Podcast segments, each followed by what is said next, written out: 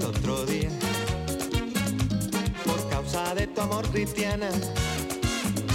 Hola, Héctor Castiñeira, moi bons días. Non se entende o ruso, faloche despacio, pero por si acaso por días Kiko muy aquí desde Lugoslavia. Qué fácil es ruso de Lugoslavia, efectivamente. ¿Verdad, ¿verdad es que sí? Antes, ¿no? También.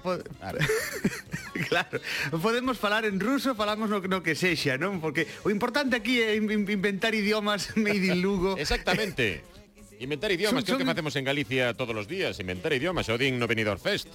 Inventamos bueno, bueno, es que Eu estaba onte vendo do, o das Tanxungueiras no Benidorm Fest E que, bueno, o momento ese do, do xurado Que nos deixa por debaixo de azúcar moreno e por debaixo Digo, pero, pero que é isto, non? Pero ven ao final o, o povo sempre salva o povo Un solo moi grande eh, para azúcar moreno pois é que, é que nos deixan aí abaixo de todo, pero bueno, a verdade é que non, non se entende moito eso, eso que pasou e como decíades antes no programa, a ver se recapacitan un pouco ese, ese xurado e, bueno, ao final se, se, o, se o apoio do público foi unánime, pois eh, penso que polo menos deberían eh, pensar un pouquiño pois eh, que o millor están errados e eh, deberían pensar un pouquiño de cara ao sábado. De todas formas, o sábado estaremos aí votando e apoiando como non como non pode ser de outro xeito eh, Eh, pero bueno, aínda que cheguen ou non o, o Festival de Eurovisión, que eu agardo que sí, eu penso que, que xa o feito de, de estar aí, de facerse tan visible, ese de levar esa música galega aí a ese, a ese escenario do Benidorm Fest, pois penso que xa é un, xa é un logro, non? Pero bueno, que se pode ser moito máis, pois moitísimo mellor, lóxicamente.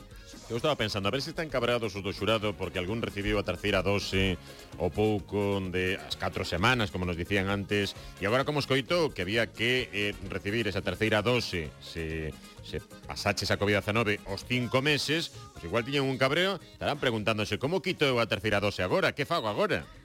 Claro, agora que xa teño posto, agora que xa teño posto o chip da, da terceira claro, dose. Agora que xa me funciona agora como... 5 que fantásticamente, podo descargarme todo Netflix, agora resulta que teño que cambiar Que pasou Agora aí? como fago? Si, a verdade é que estas son decisións un pouquiño que, que non fain máis que, que marear a xente ao final, non? Eh, porque o que pasa realmente que fai uns días, para que non sepais aí de que vai o tema, é que feste fai pois o martes, ou se xoves o martes, a Comisión de Saúde Pública decidiu modificar as recomendacións vixentes sobre as terceiras doses. Cando xa levábamos eh, morea de terceiras doses postas, e xa cando casi todo o mundo leva posta xa a terceira dose, pois deciden eh, cambiar cambiar eses, eses intervalos de poñer a terceira dose nalgúns casos. A ver, nalgúns casos, porque isto non, non é en todo.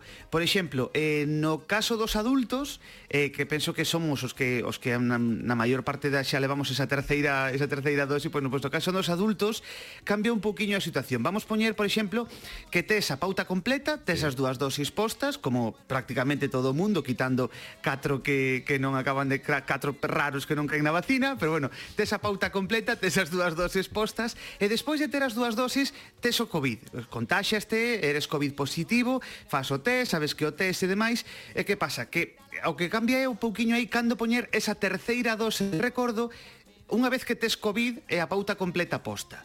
Porque ese é o, o suposto que principalmente o que principalmente cambia. Que pasa que ata o de agora, o que decía con a esa sanidade era que eh, un mes despois dese positivo, dese COVID positivo, poñías a, a terceira dose, a dose de recordo. Sí. Este prazo eh, foi moi moi criticado por, por, por expertos, eh, por inmunólogos e demais, porque era moi curto por realmente, mesmo, eh? ¿no? Porque a mí se me extrañaba, sinceramente, claro, isto queda moi cuñado, pero digo, eh, a ver, igual tampouco é cuestión de poñernos doses unha detrás doutra e cando xa padeces a COVID-19, que foi o meu claro. caso, igual eh, estar a voltas outra vez cos anticorpos catro semanas despois de, de pasar a COVID, a min cheirábame raro, pero tampouco quixen, dixe, pois pues igual, non sei, mm, Claro, se, se dende sanidade din isto, pois será isto, claro, non? Que claro, claro. lóxicamente pois confías, pero sí que é certo que era moi moi un espazo moi curto de tempo, non? Porque eles xa decían que non que non facía falta tan pronto, bueno, o que cambiou foi basicamente eso, que se te veches a Covid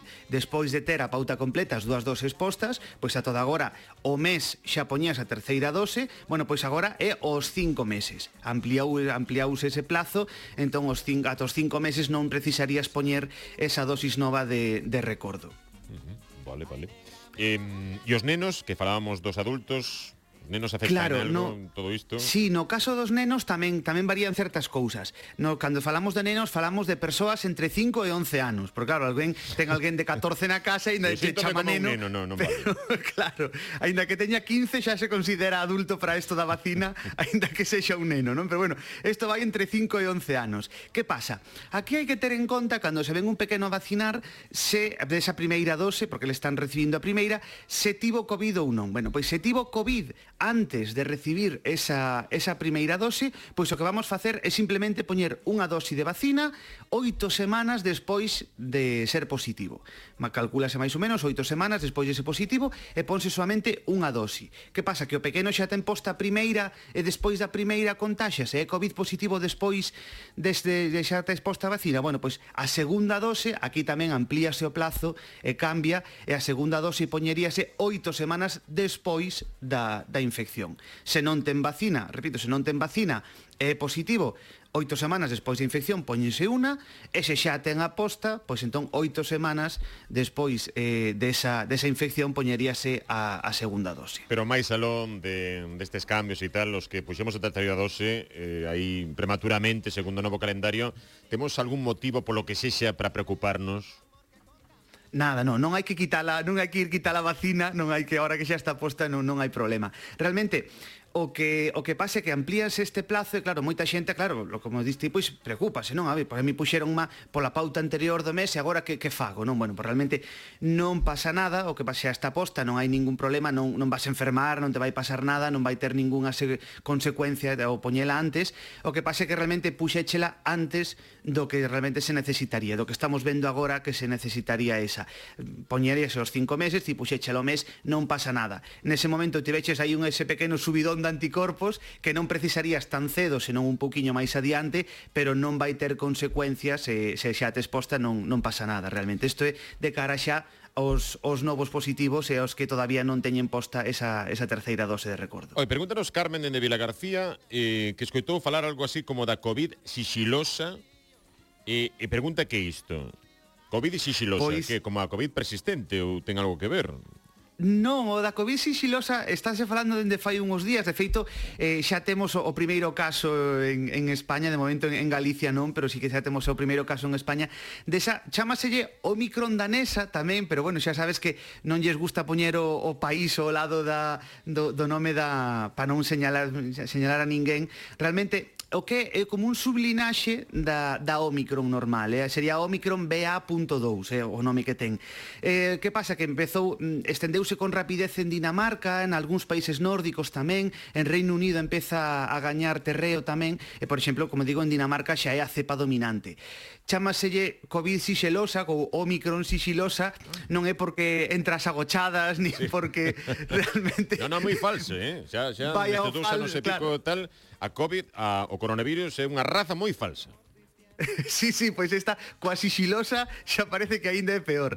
Póñense este apellido de, de sixilosa, chamárselle así, realmente porque sí que polo que están vendo nos países nórdicos, en España de momento non temos datos porque non temos eh, eso, temos un caso nada máis, parece que non é doada de, de atopar nos test, ou seja, que, que escaparía un pouquiño os test de antíxenos e os test incluso parece que nas PCRs custa un pouquiño atopar ese positivo ou non, e por eso se lle chama sixilosa, non? Ten unha serie de cambios aí eh, nunha proteína de cuberta do coronavirus, entón parece que os test normales, os test que temos, pois que custaríalles atopar ese positivo, non se, non se vería claramente como, como nos outros casos. A parte boa desta COVID sigilosa que non se, que non se poña nervioso ninguén e que non se preocupe ninguén, eh, a parte boa Claro, a parte boa desta, non é que estea vindo outra, de momento polo menos, a parte, de, a parte boa desta COVID sigilosa é que eh, apenas ten gravidade, ou seja, ainda menos é menos grave todavía que, que a Omicron que a Omicron normal, non? Eh, eh, de feito están tendo menos ingresos en hospitais que nunca,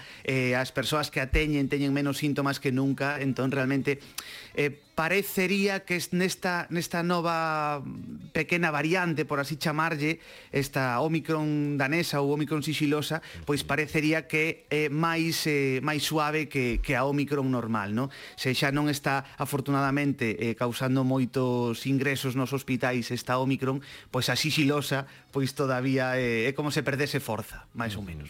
Con todo isto das vacinas, por se fose pouco, apareceu un informe da Xencia Española de Medicamento respecto á vacina contra a COVID-19 e os resultados eh, reforzan a seguridade das vacinas. Bueno, haberá xente que ainda así non o crea, pero isto é unha certeza e unha evidencia. Pois poesía, ademais é que se publicou no onte a, a Xencia Española do Medicamento, a Medicamento de Produtos Sanitarios, que eh, xa cada, eh, dedícase, entre outras cousas, a farmacovigilancia, a ver eh, que efectos secundarios e eh, que consecuencias teñen todo tipo de fármacos, vacinas, eh, dende o paracetamol ata, ata as vacinas, todo, eh, sobre as persoas cando xa se está eh, administrando a, a poboación eh, abertamente, libremente, non? non en fase de ensaio nin nada, senón que se lle está dando a poboación.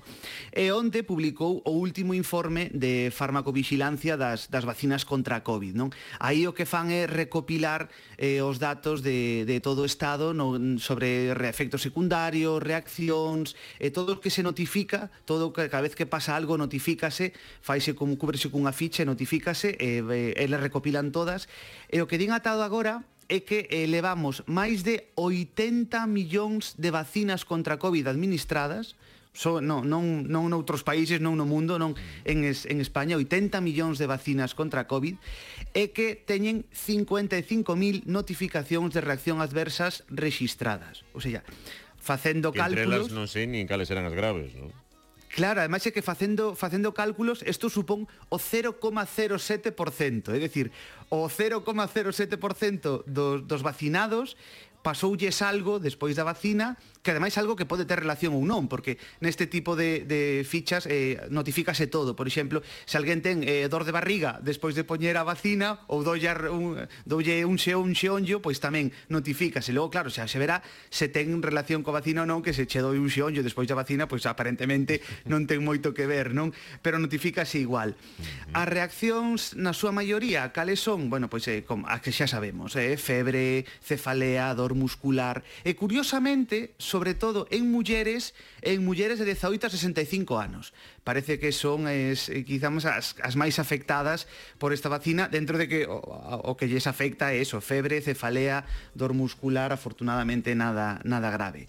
Sí que eh, teñen algúns casos, eh, 11.000 desas 55.000 reaccións, eh, o 0,01% notifícanas como graves. Claro, como graves eh, enténdese pois eh, por unha persoa pois que teñen que pasar unhas horas en observación de urxencias, que ten que ir, eh, pois que esta febre ou este dolor muscular ou estes, estes síntomas provocanlle que vaya, eh, que pida unha asistencia médica por esas, por esas reaccións, pero as graves serían o 0,01%, e eh, como digo, pois queda máis que demostrado que, que realmente as vacinas siguen sendo seguras, e despois de administrar 80 millóns, vemos que 13 de 13 casos de, de reaccións adversas graves por cada 100.000 doses de, de vacinas postas, ou seja que aí seguimos. Mira, Cris, de Vigo, que, que pregunta, miña filla é positiva, estivo sete días de baixa e onte fixo un test de antíxenos e deu aínda positiva, pero pero deronlle alta igual, aínda que non ten ningún síntoma. Isto é normal? eh, daselle alta porque así o establece o protocolo de, de sanidade, non? Que se lle dé alta os, os sete días. De feito, claro, ese é o problema. Ese é o problema, que non todo o mundo os sete días xa dá negativo, non? Moita xente, a maior parte sí, os sete días xa dá, pero hai xente que segue dando positivo e que debería seguir illada, porque mentras des positivo no test, no test de antíxenos, mentras sigas dando positivo no test de antíxenos, podes estar contaxiando. Xa os últimos días eh, tes moitas posibilidades, moi, moi poucas posibilidades de contaxiar, é raro que o fagas, pero si sí podes, non é como na PCR que incluso 10, 12 ou 15 días despois podes seguir detectando restos do virus, aínda que xa non contaxes, non? Por eso se critica tanto que se acurten os prazos, incluso agora estás empezando a falar de pasar ese 7 días a 5, sí. eh, eh, claro, realmente eh, parecenos unha temeridade porque se os 7 días aínda hai xente que dá positivo, pois os 5 a meirán de parte dos, dos positivos eh, seguen dando positivo. Por eso mm, é a terna dúbida dúbida entre incorporarse pronto ao traballo e seguir producindo ou realmente facer as cousas ben e ter a xente illada ata que xa non contaxe para cortar esta cadea. E outro amigo dinos o caso contrario, a miña parella deu negativo, pero o ter síntomas segue de baixa. Claro, pero é que nese caso os síntomas eh, se dá negativo, os síntomas cosa, poden ser por COVID ou poden ser por outra cousa, yeah, efectivamente. Yeah. Poden ser por gripe, poden ser por un resfriado, poden ser por moitas cousas, porque ao final eses síntomas da COVID moitas veces son difíciles de saber se é da COVID ou é de outra cousa. Se o test dá negativo, pois lóxicamente non debería ser COVID, sería sería outra cousa. Enfermeira, que che parece se escoitamos algo de Dire Straits? Pois non son rusos, pero pero penso que podemos poñer algo de este Walk of Life, por exemplo. Que bonita canción. Grazas, amigo. Unha aperta.